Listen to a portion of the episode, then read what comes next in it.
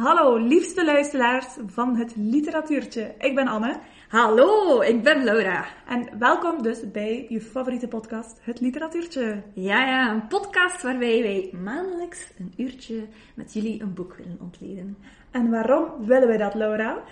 Wel, Anne, in de eerste plaats voor onszelf, uh, om ons natuurlijk meer te motiveren, om meer te lezen. Um, en hopelijk ook om meer mensen te prikkelen om meer te lezen uh, en meer in de literatuur te duiken. Dus, liefste luisteraar, ben jij uh, net zoals ons en heb je soms dat extra duwtje in de rug nodig om te lezen? Of als je al altijd graag in een boekenclub willen zitten, maar heb je de juiste match nog niet gevonden?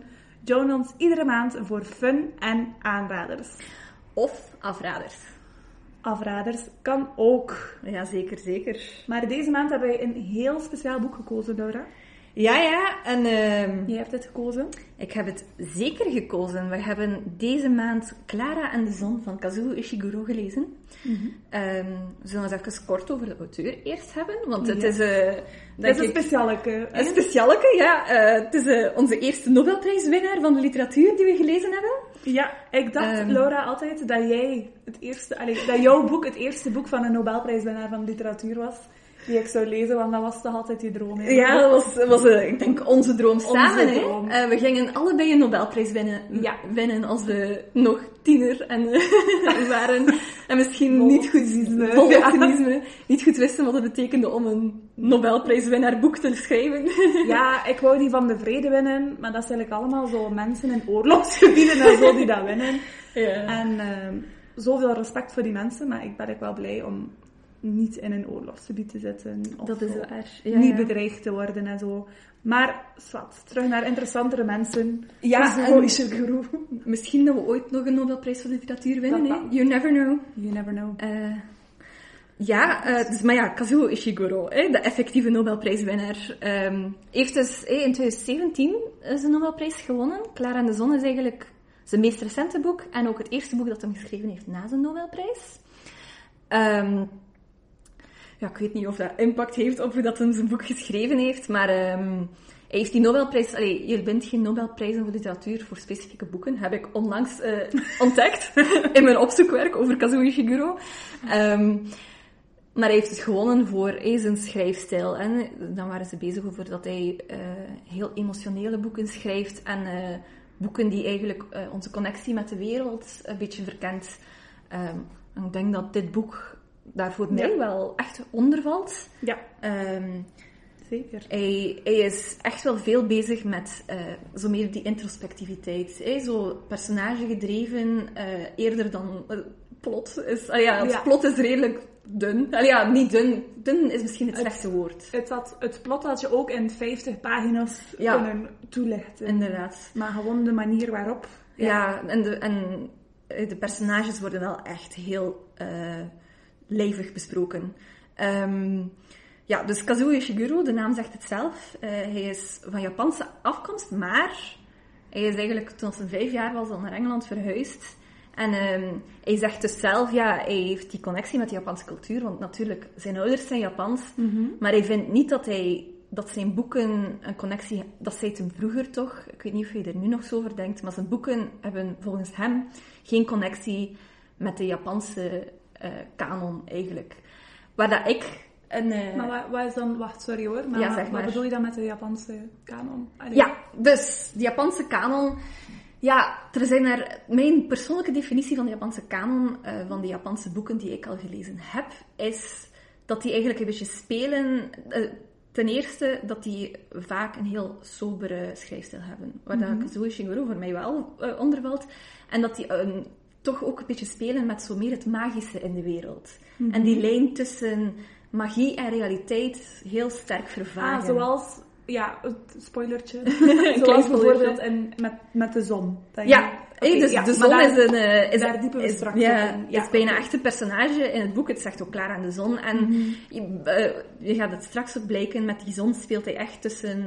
Waar is die lijn tussen Magisch de realiteit die we en- kennen en de magie eh, Ja. die zou kunnen spelen? En ik heb nog zo boeken gelezen. Ik heb onlangs nog Diary of a Void gelezen van Emmy Yagi, ook een aanrader.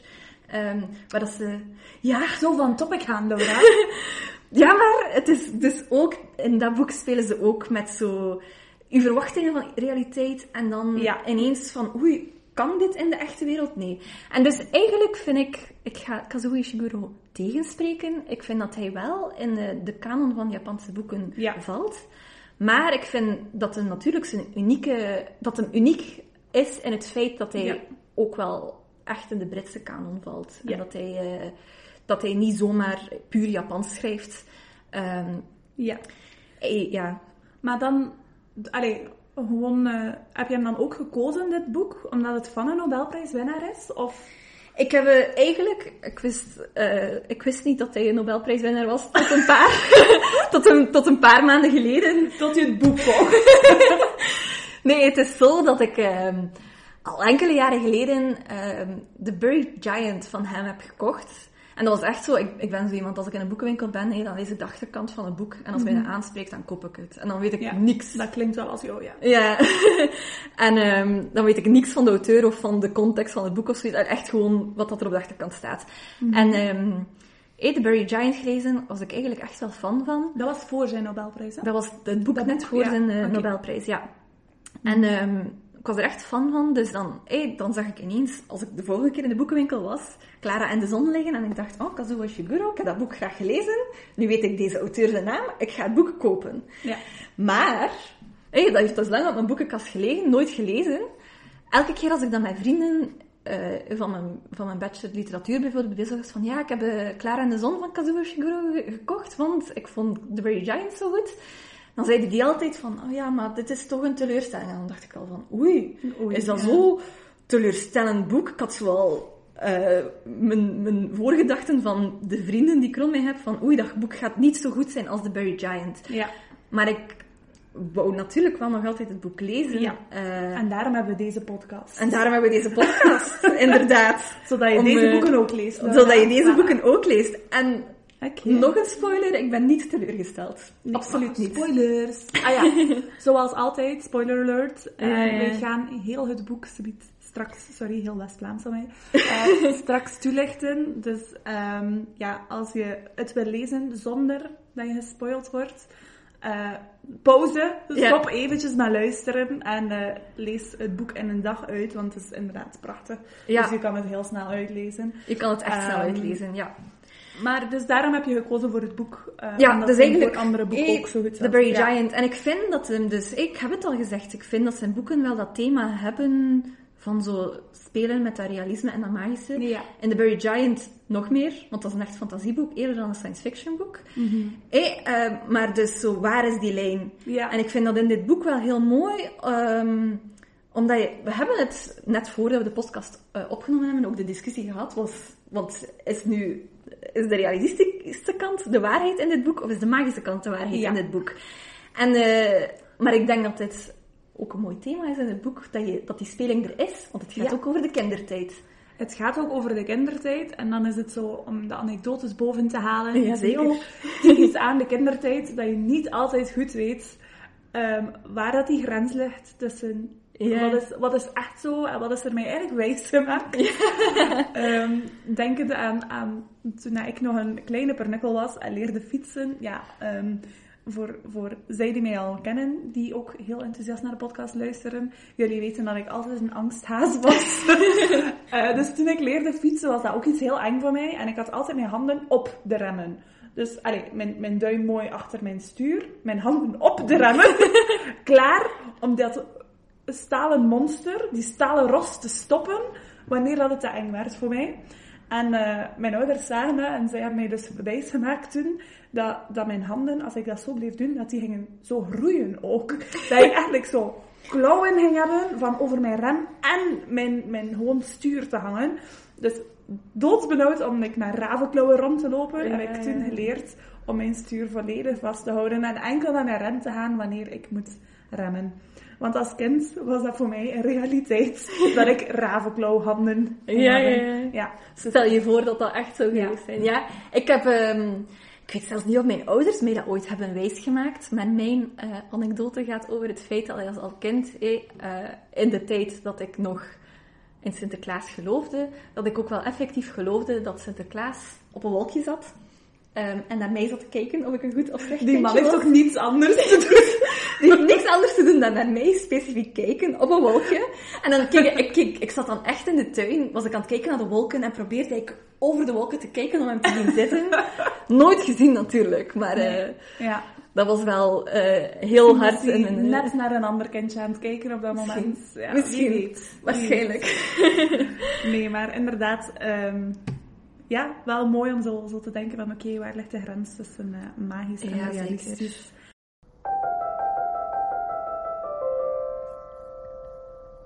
Maar eh, laten we gaan naar waar het boek over gaat. Zeker. Ehm, eigenlijk start je in de winkel. Mhm. Een winkel vol cafés. eh, Cafés. Cafés, ja hoor. Kunstmatige vrienden. Ja. Ehm, en een van die kunstmatige vrienden in de winkel, die je dus kan kopen, is Clara. Ja. Wat is er typisch aan Clara? Dus dat leer je eigenlijk ook vanaf het begin kennen aan haar. Ze is heel nieuwsgierig en ze observeert alles.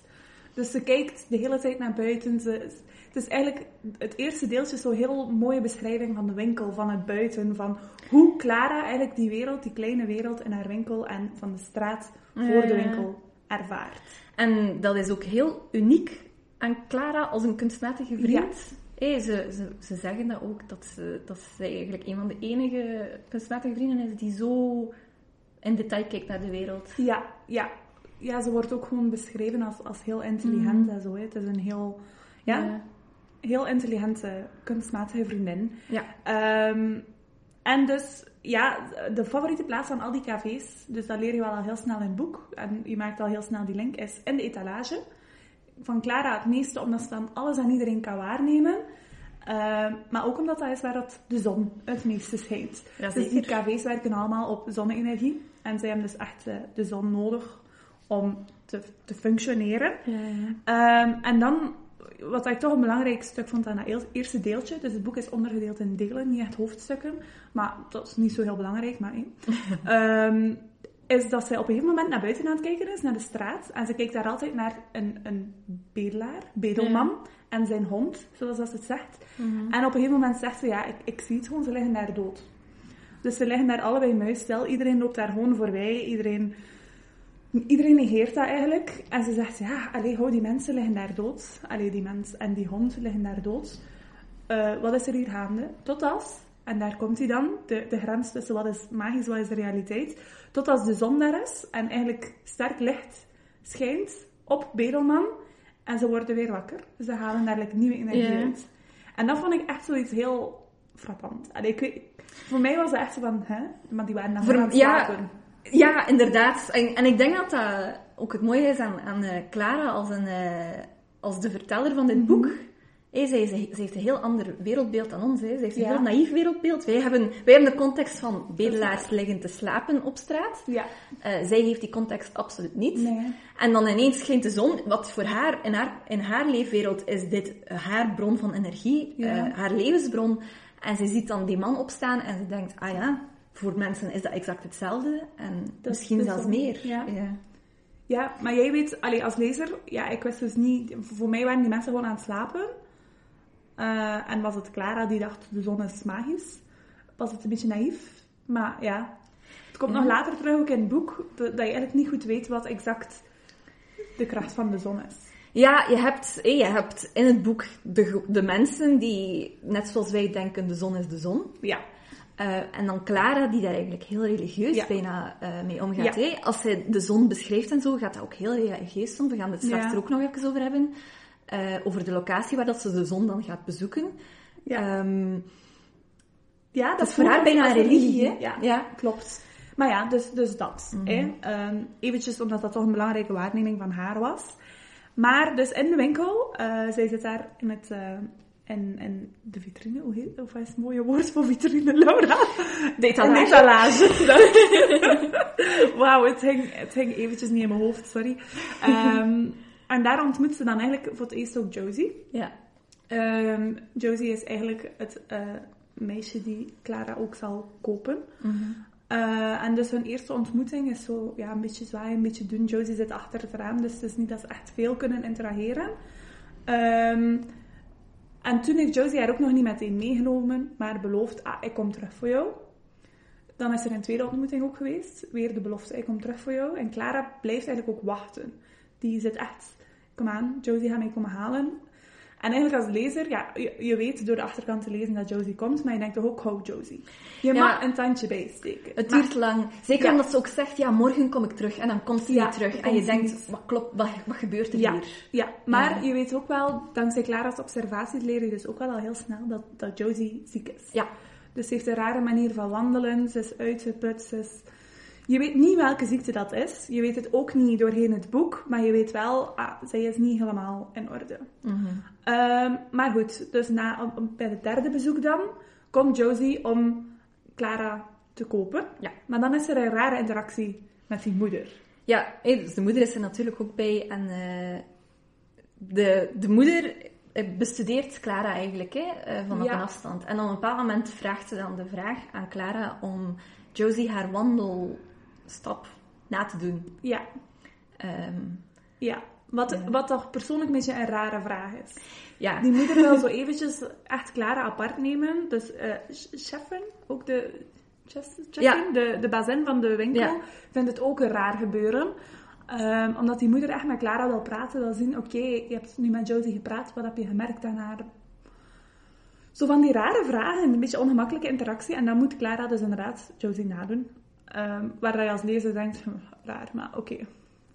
Je hebt eigenlijk op heel veel momenten in het boek zoiets van, hm, ik snap het niet helemaal, maar oké, we zien wel. Hè? Het is echt een Ehm, boek on vibes. Maar Clara, Clara heeft gesla Allee, is geslaagd in de test, dus ze wordt meegenomen naar huis. Ja.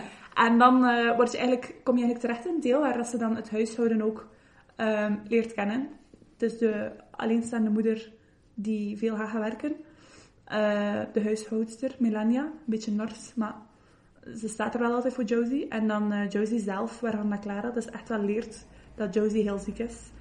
Ehm, geen idee welke ziekte dus. Nooit Ehm, weten we het. Nee, nee, nee, en wel. Maar dan op een gegeven moment mag Clara eigenlijk een dag ook mee naar buiten een keer met Josie. Ze is nog nooit echt naar buiten geweest, dus ja, dat was heel leuk voor haar. Leert ook Josie's beste vriendin Rick, eh, beste vriend, sorry, excuseer, eh, Rick kennen. Ja. Sympathieke jongen, zo komt hij over. En eh, Josie en Rick hebben het plan om eh, samen oud te worden. Ja. Daar komt het een beetje op neer. Eh, en dan vertelt Josie dus ook verhalen. En dat is dus waar dat dan dat religieuze boven komt, hè, dat je zegt.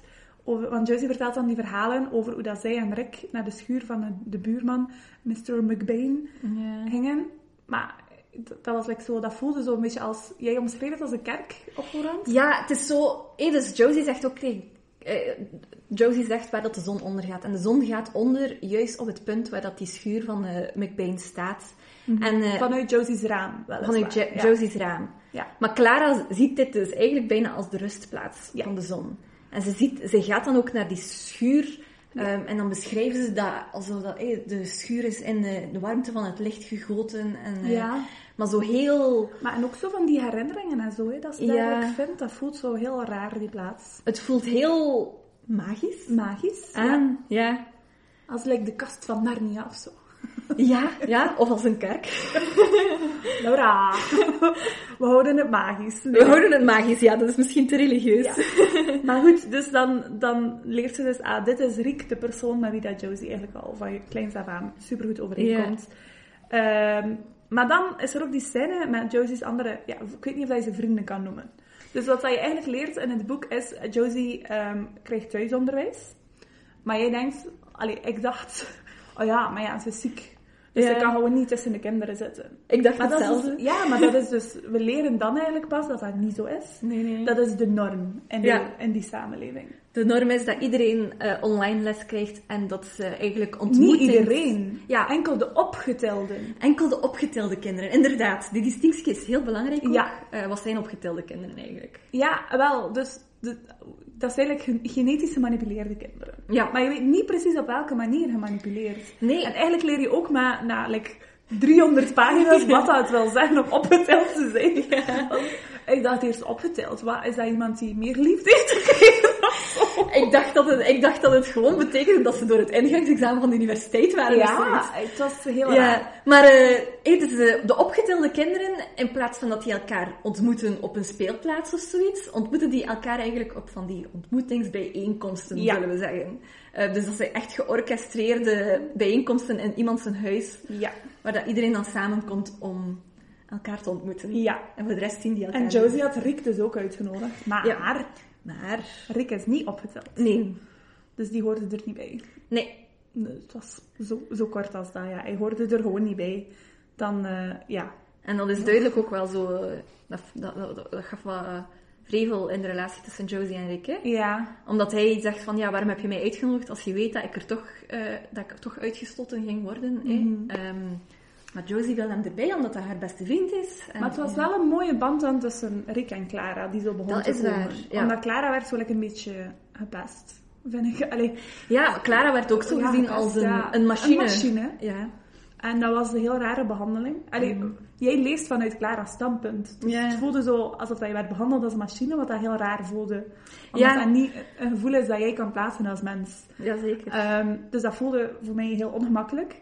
Ja. En dan is eigenlijk Rick die haar dan redt uit die situatie en zo. Dus zij bouwen daar wel een, een mooie band op. Jazeker. Ehm, maar ja, dus, dus zo leer je dan eigenlijk Josie's manier van doen ook kennen. En leert Clara eigenlijk ook, oké, andere mensen bij Josie zorgt voor een andere Josie. Ja. Want heel het boek staat ook in het thema van Clara, die probeert Josie zoveel mogelijk te observeren, om zo goed mogelijk te weten hoe dat zij er kan zijn voor Josie. Ja. En dat is Clara, haar job als kunstmatige vriendin. Er zijn voor haar mens. Ja. Voor haar Josie dus. Ja. Ehm, tot een heel rare situatie, wanneer dat ze naar de Mor- eh, Morgan Falls, Mor ja, Morgan. Falls eh, willen gaan. Dus de Morgan Falls, een heel mooie natuurplek, zoals dat het mij leek. Zoals het beschreven werd. ja, ehm, dus ze gingen op familieuitstap. Dus de moeder, eh Chrissy, maar in Clara's hoofd is het altijd de moeder. Ja. Eh, Josie en Clara gingen samen gaan, met ook Melania. Of ging zij niet mee? Dat weet ik niet meer. Ehm, ik ook niet. Nee, Maar Melania is nu, denk ik, niet, zo belangrijk. in, dit, in deze context, ja. Ja, maar dus zij gingen samen gaan eh, om die watervallen te bezoeken, maar Josie was te ziek geworden. Ja. Dus Josie moest thuis blijven. Dus Clara ging uitstappen, want het was gedaan met de uitstap. Eh, maar dan zei de moeder, ja Josie, je zei dat je heel graag wou dat Clara ze zag, omdat ze dat zo mooi zou vinden. Dus Clara en ik gaan naar ons twee gaan. Mhm. Voelt heel raar, hè? Voelt ja, het voelde, het voelde Allee. en het, het was ook zo, hè, maar je, voel, je had zo het gevoel dat Josie gestraft werd, Ja. eh, omdat ze te ziek was om mee te gaan. Of, allee, ja, ik denk dat er ook een Ja. discussie eh, op voorhand eh, was tussen Josie en haar moeder. Ja. Ah, ja maar het was zo meer van, oké, jij bent te ziek, dus Clara zal in jouw plaats meegaan Ja. naar Morgan Fal- Falls. En dan wordt het eigenlijk nog raarder, Ja. Omdat, omdat die moeder dan ook aan die vals vraagt zij nog een keer aan Clara om eigenlijk Josie na te doen. Ja, Voer keer een gesprek met mij zoals dat Josie het gesprek met mij zou voeren. ja. Wat dat gewoon heel raar is. Ja, en daarbij komt dan nog eens, eh, dus even context over het gezin van Josie. Eh, Josie had eigenlijk een oudere zus, die ook aan een mysterieuze ziekte is gestorven. Ja. Ehm, en eh, dus het is zo van ook een beetje de, de rouw van de moeder Ja. over, over de dochter die al verloren is. En nu is ze dan ineens zo Een tweede dochter een beetje. ja, een tweede dochter aan het is. creëren. Ja. Ja, ja. Ja, dus dat was echt ook een heel, heel vreemd moment. Mhm. Ehm, en dan, er wordt daar zo overal niet dieper op ingegaan. Dus dat, dat is zoiets, dat, dat klinkt misschien ook heel verwarrend in onze uitleg van het boek, omdat we zo heel tijd niet doorgaan, maar er wordt ook gewoon niet doorgegaan in het boek. Maar dat is het punt van het boek ook. Je hebt veel ruimte zelf in te vullen. Ja, maar ik denk ook, Ja. het is, want zoals je zegt, Clara, haar job is er om te zijn, om zo goed mogelijk te zorgen voor Josie. Ja, Dus voor Clara is al die andere context niet belangrijk. Nee. Dus zij gaat daar zelf niet dieper op in, dus wij gaan er ook niet Nee. dieper op in. nee. Maar het is maar gewoon dat je voorbereid Ja, bent. ja. Dus als we chaotisch klinken, het is omdat je zelf moet invullen. Je moet heel veel zelf invullen. Leef je uit. Ja. nee, maar dus dat is het, dat is het wat dat er gebeurt in de Morgan Falls. En dan eh, komen ze eigenlijk terug naar huis en Josie wordt wat zieker en zieker. En dan is zo het ah, hemels momentje, zeg maar, dat Clara eigenlijk de zon gaat bezoeken. Ja. Zoals dat zij het zegt, in dus die schuur van de buurman, waar dat de zon zijn rustplaats is. Want ze heeft een plan. Want ze heeft een plan. Ze wil een deal maken met de zon om eigenlijk te zorgen dat de zon zijn magie gebruikt zowel, om voor Josie te helpen, zoals dat hij dat destijds heeft gedaan om Bedelman en de hond te helpen. Ehm, en in ruil gaat Clara voor de zon een machine kapot maken. De Koetingsmachine noemt ze hem. Koetings is een merk, vermoed ik. Eh, het is gewoon een heel vervuilende machine. Ja, Nogmaals, om de idee wat... luchtvervuiling met hoofdletter L eh, Ja. te bestrijden. Ja. Ja, want de zon heeft een hekel aan de luchtvervuiling. Ja, inderdaad. Ehm, Het is een echt personage in de zon, hè? In het is boek. echt een personage, ja. Dus ze maken die deal. En eh, Josie, eh, Josie, wat zeg ik nu? Dus Clara moet eigenlijk die machine kapot maken. Ja. En ze krijgt daar ook de kans toe. Mhm. Want... Want eh, dus Josie en haar moeder gaan eigenlijk om de zoveel tijd naar de stad waar Clara eh, vandaan komt, Mhm. die winkel, om een portret te maken van Josie. Ehm, dat is daarom ook dat, dat ze om de zoveel tijd naar de winkel kwamen, eh, in het Mhm. begin van het verhaal. Ehm, dus eh, Josie zit daar om, een, om geportretteerd te worden door een kunstenaar. Ja. Ehm, maar dan begint het verhaal echt eh, Dan te ontplooien. heel- En dan wordt het even heel vreemd, zelfs horrorachtig op Ja. bepaalde momenten. Want... Want, Ja, je komt er eigenlijk achter. Dus dan is ook een van de eerste momenten dat Josie's vader in beeld komt. Ehm, ze zijn uit elkaar. Dat is eigenlijk niet zo'n belangrijk deel, dus ik ga daar niet op ingaan. Ehm, maar ze gaan eigenlijk samen ook gaan kijken hoe ziet het portret er al uit. En eerst zie je dat de moeder gaat. Komt er lijkbleek weer uit. Vader komt er lijkbleek weer uit. En er wordt eigenlijk aan Clara gevraagd voor wat testjes te doen. En eh, Clara mag van Josie en mag van de moeder. En dat zijn de mensen naar wie dat ze luistert. Dus ze zegt, het is oké, ik ga die testen gaan doen. En eh, jij weet niet wat dat die testen is, maar Clara zelf geeft aan, oh, ik heb wel vrij snel door wat dat de bedoeling is. Ja. En dan gaat Clara dus ook een keer stiekem eigenlijk gaan kijken naar het portret. En dan is het rillingen krijgen, want het is geen portret. Het is eigenlijk, in mijn hoofd was het een soort ja, huid. Die daar Ja. hing, de huid van Josie. Ehm, dus die Ja, kunstenaar zo. was eigenlijk Josie aan het namaken. ja, In huid. Achtig iets. ja en Allee, in iets- mijn hoofd. Ja, Om eigenlijk, ehm, dus de moeder en de kunstenaar leggen dat dan uit eh, aan Clara, wanneer dat Josie en de vader zijn vertrokken. Eh, om te gaan eten, doet er niet toe. Eh, dat als Josie dood, doodgaat, wil de moeder dat Clara Josie's plaats inneemt. ja, Dus letterlijk die huid aandoet en Josie wordt. ja. En dan wordt het duidelijk waarom dat de Waarom? moeder vraagt om haar wandeling na te doen, om haar stem na, haar, haar eh, Ja, manier haar van van spreken doen, na na te te doen. doen. Ook waarom dat ze die testen en zo moest invullen. Waarom dat zij eigenlijk in de eerste plaats gewoon gekocht is. Ja. Eh, dus jij denkt, ah, cute. Je wil niet dat je kind eenzaam is, dus je koopt een kunstmatige vriendin voor haar.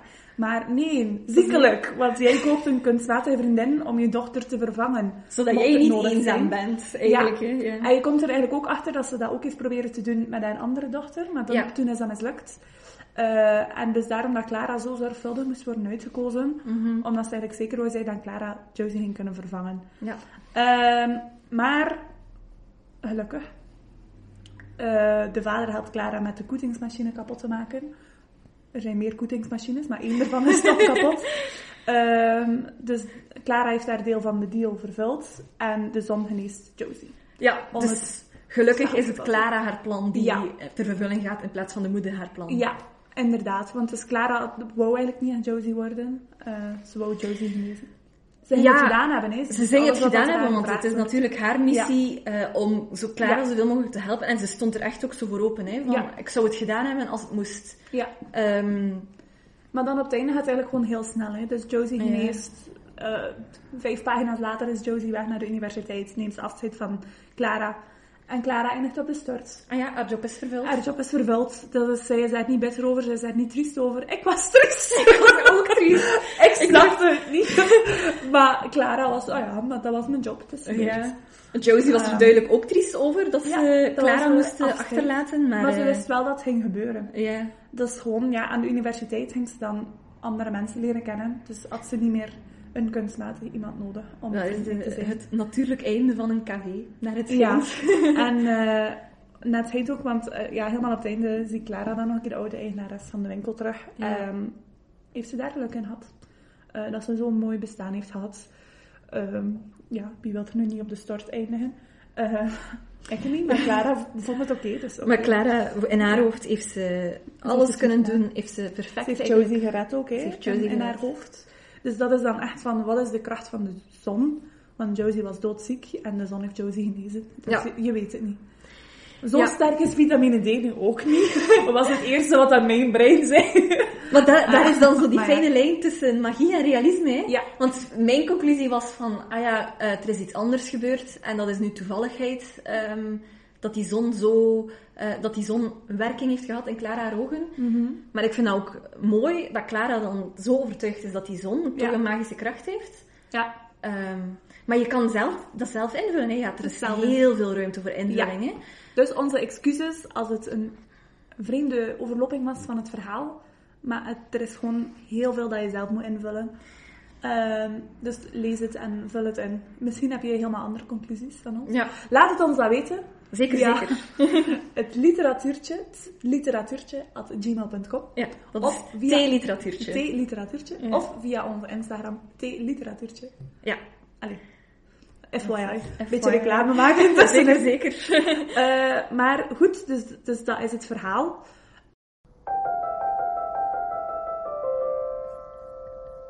We hebben al heel veel ook tijdens het doorlopen van het verhaal besproken. We hebben al gesproken over eh, de zon als magisch persoon.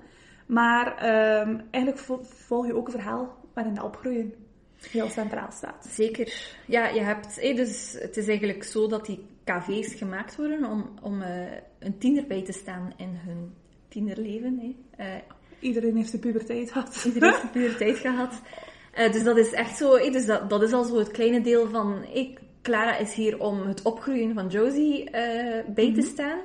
Maar zelf, Clara, eh, dat is de, de echte persoon die aan het opgroeien is in het Ja. boek. Hè. Eh, ze begint als een, een robot die heel weinig over de wereld ziet. Ze heeft haar klein wereldje van de winkel. En, en ze, ze staat zelfs niet vaak in die etalage. Nee. Maar dan hoe meer en meer dat ze dingen leert kennen en hoe meer dat ze mensen bestudeert en zo, hoe meer dat ze opgroeit eigenlijk. hè. Ja, en ik vond dat dan ook, ik vond dat zo wauw momentje. Zo, ik denk dat het ook was toen, dat, toen dat de moeder vroeg van ja, hé, ga je wel, kan je wel die emoties, hoeveel kan je doen van, van menselijke emoties, hoeveel begrijp je daarvan? Dat Clara zei, maar ja, hoe meer dat ik jullie observeer, hoe meer dat menselijke emoties voor mij beschikbaar worden. Ja, ja, ja. Dat ik denk, oh, Ja. Zo, op die momenten denk je, oké, dit is echt een robot. Ja, maar dat is dan ook weer het punt van de artificiële intelligentie. Een ander thema, heel belangrijk in het boek. Waar is die lijn tussen een robot die ehm, menselijke emoties nabootst en een robot die effectief menselijke emoties voelt? Dat is denk ik ook de kunstenaar die dat portret van Josie aan het maken is, heeft daar zijn mening over. hè. Dat, dat, eh, heeft zelfs, het gaat niet over de, robot dat hem de mening heeft, hij heeft het over de mensen. Dat geen enkele mens ehm, Zo uniek is, Zo dat uniek is, kan worden ja. nagedaan ja, ehm, door een door. Ja, door een artificiële intelligentie. En dat is een, een kwestie die ik denk ook heel hard aansluit bij de, de AI-kwestie eh, die nu heel courant besproken wordt. Hè? Als Ja. we het hebben over AI-kunst en eh, zo van die dingen. Mhm. Ehm, ik ben van het kamp dat eh, je hebt menselijkheid nodig om echte kunst te kunnen maken. Mhm. Eh, maar ja, er zijn heel veel mensen die vinden dat AI-kunst evengoed eh als een, als een gelijk, eh, allee, op een gelijk niveau staat met eh, kunst die door mensen gemaakt wordt. Ja. Ehm, waar ik mijn bedenking over heb. Ik denk wel, hé, want als we het hebben over het bredere van kunst, hé, ik denk dan vooral aan videogames of zoiets. Daar, is- daar wordt al jaren artificiële intelligentie gebruikt, anders kun je geen eh, Ja. ehm, immersive experiences, zoals ze dat zeggen, eh, maken. dat je echt het gevoel hebt dat je in een, in, een, in, een wereld, in een fantasiewereld staat als je een videospelletje speelt. Ehm, maar je ziet dat die ideeën menselijk zijn. Het is niet Ja. dat ze eh, gezegd hebben aan ChatGPT, schrijf mij een videospelletje. En dat, Dat dan nog niet bestaat, Dat ja. niet bestaat en Nee. dat dat gewoon hebben overgenomen. Daar zijn Nee. altijd menselijke ideeën achter. Ehm, Mhm. en dat is mijn mening over artificiële intelligentie. Ja, ik, ik, eh, van mij was dat ook wel inderdaad tijdens het lezen van het boek zo echt iets dat je denkt, dat gesprek rond AI, dat, dat, dat is echt nog zo niet gevoerd. Allee, Ja. Want ja, als je, zo, als je zo alles leest van Clara, op, allee, op sommige momenten heb ik, als, had ik persoonlijk dan toch het gevoel dat ik iets aan het lezen was van een gewoon... Allee, het kwam dat bij mij niet over als ik ben het verhaal van een robot aan het lezen. Voor Op andere wel. momenten echt ja. wel. Ja, Ik vond dat enorm van moment tot moment afging. Maar ik vond wel, hé, ze, ze sprak echt zo over haar observaties Ja, en ja, haar calculaties en weet ik veel wat. Waardoor dat ik wel zo het gevoel had van, ah ja, dit is hoe dat ik eh, ook een, een, een, een eh, fictieve artificiële intelligentie zou beschrijven. Ja, maar als je dan voelde hoe graag dat ze Josie wil helpen, dat is dan toch een heel menselijke emotie, Ja. vond ik. Om zo Ja, maar dan is mee zo- te zeggen. En dan is dat ook, je weet, dat is haar job ook, hè. Om Josie te helpen. Je zit er heel dit tussen, hè, want op het, einde, op het einde is zij... Het is niet dat zij zich triest of gefrustreerd voelt in dat stort, hè. Nee. Ze heeft daar eigenlijk geen enkel menselijke emoties waar wij ons in kunnen vinden, hè. Nee. Maar ik vond het feit dat we vanuit zo'n een robotperspectief dat verhaal aan het volgen waren, vond ik wel heel interessant. En ook, het maakte het lezen veel gemakkelijker. hè. We hebben het gezegd Ja. dat het plot redelijk, dat er heel veel gaten in het plot zitten, maar omdat wij vanuit een personage het boek lezen Ja. die zelf dingen aan het leren is, Ja. maakt het het plot wel, allee, maakt het het boek echt heel leesbaar. Ja, ik vond het ook heel leesbaar. En dat, hier wil ik gewoon nog eventjes op inpikken, omdat... Dus toen dat je zei dat dan ook jouw vrienden hadden gezegd... "Nee, ik vind het ook dacht ik, ga zo'n beetje de reviews lezen van wat dat de mensen zelf dan erover hebben gezegd. En ik heb me gefocust op negatieve reviews. Ehm, wat ik normaal niet doe, want mensen die negatieve reviews schrijven, ja...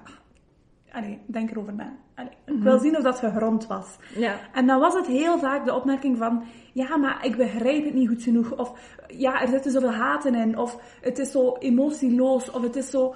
En voor mij is het, ehm, als, ik, als ik lees, vind ik het leuk, dan stel ik mij mijn eigen zaken voor. En eigenlijk door de manier waarop dat het was geschreven, had je heel veel opties om het in te vullen zoals dat jij het zag. Dus jij weet eigenlijk de basics, dankzij Clara's observaties. En de rest was aan jou en je creativiteit om het in te vullen. En dus, dus als, als ik probeer een creatief persoon te zijn, dus dan doet zo'n boek voor mij echt deugd, omdat je zoveel ruimte hebt voor jezelf. En op een gegeven moment denk je wel, oh, het gaat over genetische manipulatie. Oké, dat had ik niet normaal zien aankomen. Of, allee, dus dan, dan heb je zo wel van die momenten, maar dan denk je, ah ja, maar eigenlijk als je erover nadenkt, dat en dat en dat. Dus Ja. dat logisch. Ze, door heel het boek eh, vallen er constant hints, Ja. hè. Eh, Ja. En het is dan op het einde van, ah ja, natuurlijk dat het over Ja. manipulatie gaat. Duh, ja. We zitten, we zitten in de toekomst. Ja. Ja, want dat is een, een, een derde groot thema, die genetische manipulatie. Eh, Die ja, opgetelde kinderen, ja. opgetelde kinderen. Want, dus we zeiden het daarnet ook al even, wat zijn de dingen die zijn opgeteld? Volgens mij de, de intelligentie. Ehm, omdat je weet, dus dat zijn ook uit enkele gesprekken met, met Rick dan dat je erachter komt. Rick twijfelt ook over de universiteit. Maar ja, hij gaat geen kansen krijgen. Hij krijgt niet de kansen zoals Josie. Ehm, omdat hij niet opgeteld is. Dus je Ja. denkt, het zal sowieso iets met intelligentie en zo te maken hebben.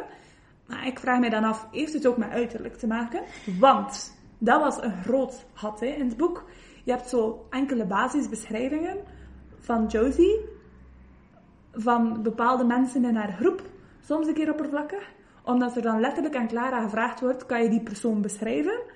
En dan denkt Clara daarover na, dus heb je iets van een beschrijving, anders niet. Hè?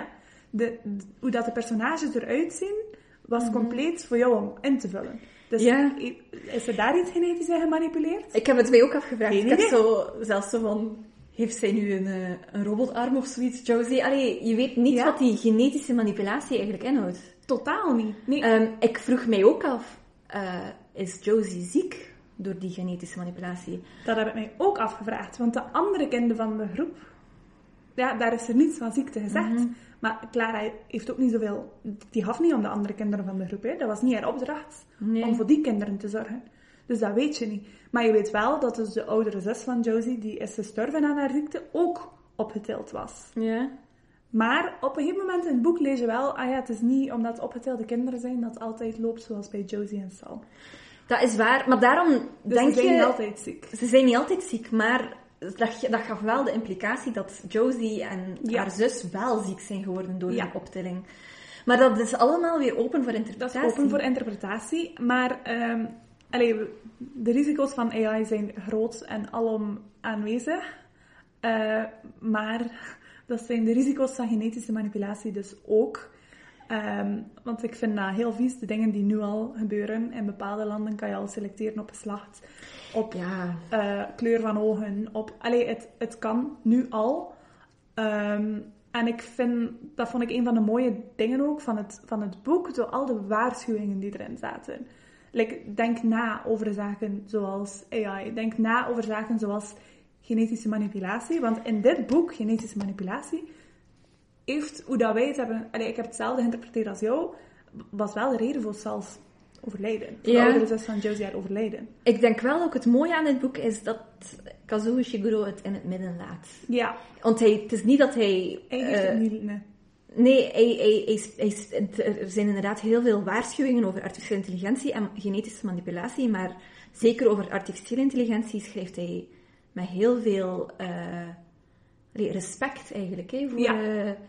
Voor wat de artificiële intelligentie kan doen. Ik heb ook gelezen, als ik, want op zoekwerk aan het doen was voor Kaz- Kazuo Ishiguro, dat hij effectief ehm, naar eh, bijeenkomsten gegaan is met mensen die heel veel weten over artificiële intelligentie, om zo eh, Ja. meer te leren over artificiële intelligentie voordat je erover schreef. Ja, En ik, eh, ik, ik, ja, ik, voelde, ik, ik voelde daar ook wel een connectie bij. Ik heb zelf ook even artificiële intelligentie gestudeerd. Dus ik zie, ik zie artificiële intelligentie niet als het grote, hey, de grote boosdoener. ja. Maar ik zie daar wel de gevaren ook in. eh, als we dat ons leven zouden, eh, zeker ook met die gene- genetische manipulatie. Wel, eh, ik vind het interessant dat je dat zegt over AI, want dat is niet hetzelfde gevoel dat ik had bij die manipulatie. Want Nee. die groep gemanipuleerde kinderen, ook dat je leerde kennen, dus Josie's eh, ontmoetingsgroep, dat waren dus wel, sorry voor mijn taalgebruik, assholes, hè. dat is waar. Dat waren heeft niet, stuk voor stuk arrogante mensen, hè. hij heeft niet veel goeds Voor- te zeggen over eh, genetische Dat kwam manipulatie. heel negatief over. Ja, dat is waar. Zijn, heeft zijn inderdaad- mening daarover leek mij een heel stuk negatiever Dat is waar. dan AI. Dus, En ik, daar ben ik het ook met hem eens, om eerlijk te zijn. Het is zo- zoals je zegt, het is niet... Het is eigenlijk Mhm. geen eh goede eh, richting die we aan het uitgaan zijn als we gaan beginnen selecteren Nee. op eh, zo, dingen zoals eh, het uiterlijk van je kind. ja. ja. Maar en vooral, dat is, ehm, hier komt mijn biologie-nerd even te Doe boven. Ehm, maar eh, voor iedereen die, die de basisgenetica heeft gehad, bepaalde zaken van het uiterlijk zijn relatief gemakkelijk, zitten maar op bepaalde plaatsen in je genen. Mhm. Maar, allee, je DNA is gigantisch. En ehm, mentale zaken, zoals bijvoorbeeld intelligentie, zitten op heel veel plaatsen in je genen. En wat ik bijvoorbeeld vond, dus je weet dat die opgetelde kinderen zoals Josie, dat die slimmer zijn. Maar als je soms zag hoe dat Josie met Rick omging, dan dacht ik, "Hmm, er is daar toch ergens een tekort aan emotionele intelligentie. Dus ik heb het gevoel dat er dadelijk ergens een afweging is gebeurd, waarvan Ja. dat ik zoiets heb van, ah ja, ik vind dat nu niet super far-fetched als je weet hoe, allee, hoe ingewikkeld dat intelligentie is, DNA-gewijs. Ik weet niet of dat ik te diep op de biologie ben ingegaan. Nee, ik vind het, Maar- nu dat je het zegt, vind ik het heel interessant om ook terug te gaan even naar die kunstmatige vrienden. Ja. Als we het hebben over eh, intelligentie, de emotionele intelligentie en de eh, intellectuele intelligentie, ik weet niet hoe ik het best zeggen. Ehm, het, hetzelfde komt eigenlijk voor bij die, die KV's. Hè. Je hebt Ja. eh, een nieuwer model dan Clara, de B3's, waarvan ze zeggen die kunnen eigenlijk veel meer. En eh, op het einde lijkt het zelfs dat die te veel kunnen. Ja. Ehm, maar die, zijn, die hebben nul empathie. Ja. En dat is een van de eh, klachten die heel veel mensen ook... Allee, of toch zeker dat de, de bazin van de, van de winkel op het einde heeft over het feit dat zij het heel spijtig vindt dat die Dat het te ver is KV's gedreven, hè? ja, geen eh, emotionele intelligentie eigenlijk hebben. Ja. Want heel veel mensen vergeten hoe belangrijk emotionele intelligentie Ja. eigenlijk is. En dat vond ik, dat vond ik dus wel ehm, iets opmerkelijks. Mhm. dat, dat die emotionele intelligentie, ja, ik vond, ik vond dat dat nog sterker te boven kwam, hoe dat er daar een gemis aan was. Dan, Ja, ja, maar kijk, zwart. Dat is voor, eh, over het boek. ja, ja.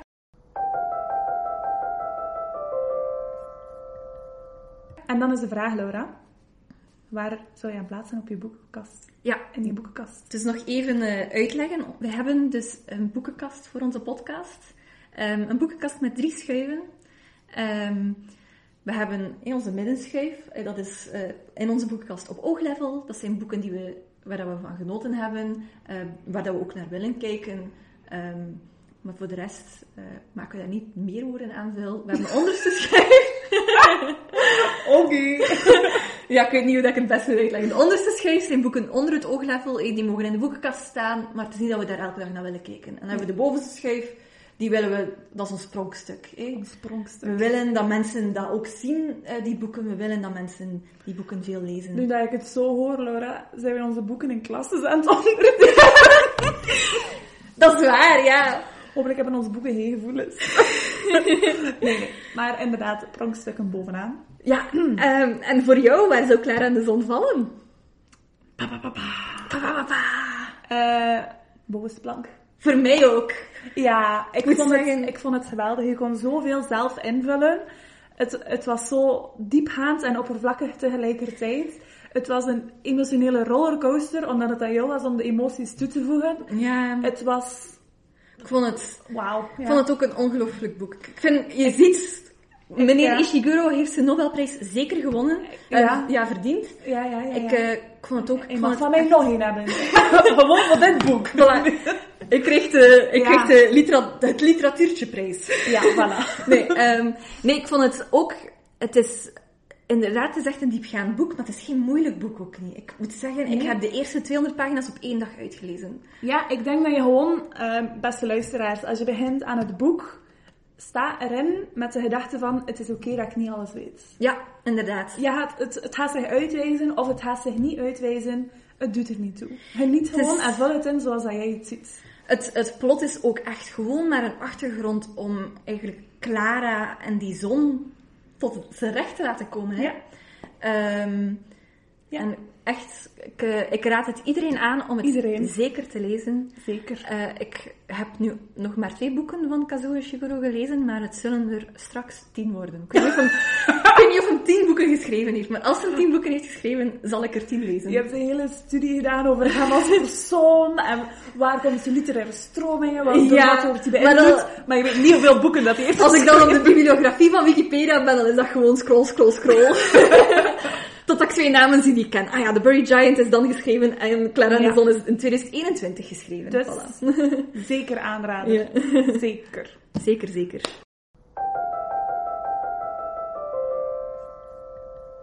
Goed, dat brengt ons bij ons laatste stukje Ja, van de podcast. Namelijk, wat gaan wij volgende keer lezen? Ja, Anne, jij hebt het boek eh, gekozen deze week. Deze Laura, keer. eigenlijk heb ik het niet zomaar gekozen. Ja? Het is een heel belangrijk moment in onze podcast. Oké. Want het is de eerste aanrader van één van onze luisteraars. Wauw. Wat? Ellen uit Oostkamp, bedankt voor deze aanrader. Ja, heel erg bedankt. Eh, zeg eens. Ja, het, de, de naam van het boek is Op het einde gaan ze allebei dood. Ja, van Adam Ik denk dat er dus nu al een spoiler is over hoe het boek zal eindigen. Ja, zeker. Maar daar kunnen we bij, mee leven. Eh, dus ik zal even de achterkant nog voorlezen met mijn zwoele voorleesstem. Op 5 september, iets na middernacht, krijgt Matteo een telefoontje. Het is Deadcast, de organisatie die mensen inlicht dat ze binnen 24 uur zullen sterven. Ook Rufus wordt gebeld. De twee kennen elkaar niet, maar sluiten vriendschap tijdens hun end day. Ze beslissen samen nog een laatste avontuur te beleven, een onvergetelijke dag die hun beide levens voor altijd zal veranderen. Maar maak je geen illusies, op het einde gaan ze allebei dood. Wauw. Voilà, dus bedankt voor de aanrader. Ja, Eh, zeker. zou je graag volgende aflevering zelf jouw aanrader door ons laten lezen? Is dit correct Nederlands? Dat weet ik niet. We gaan toch door. Eh, stuur ons een mailtje naar uh, tliteratuurtje.gmail.com of stuur ons een berichtje op Instagram. Ook het theeliteratuurtje. Het literatuurtje dus. Ehm, wij horen het graag. Ook als je het het boek al gelezen hebt. Stuur ons een berichtje over wat je ervan vond. Ja, Ehm, en ik stel voor, lees het boek ook. ja. Voor eh, dat we onze podcast volgende maand eh, ook dropt. Onze Ja. nieuwe aflevering. En als jullie eh, inzichten hebben op een van de boeken die wij hebben gelezen, Ja. deel ze zeker. Dan kunnen we zo een rubriek lezersbrief. Ja. Nee, daar kijk ik wel naar uit. Voel je vrij. Ja. En eh, tot de volgende keer. Tot de volgende keer. Dag. Dag.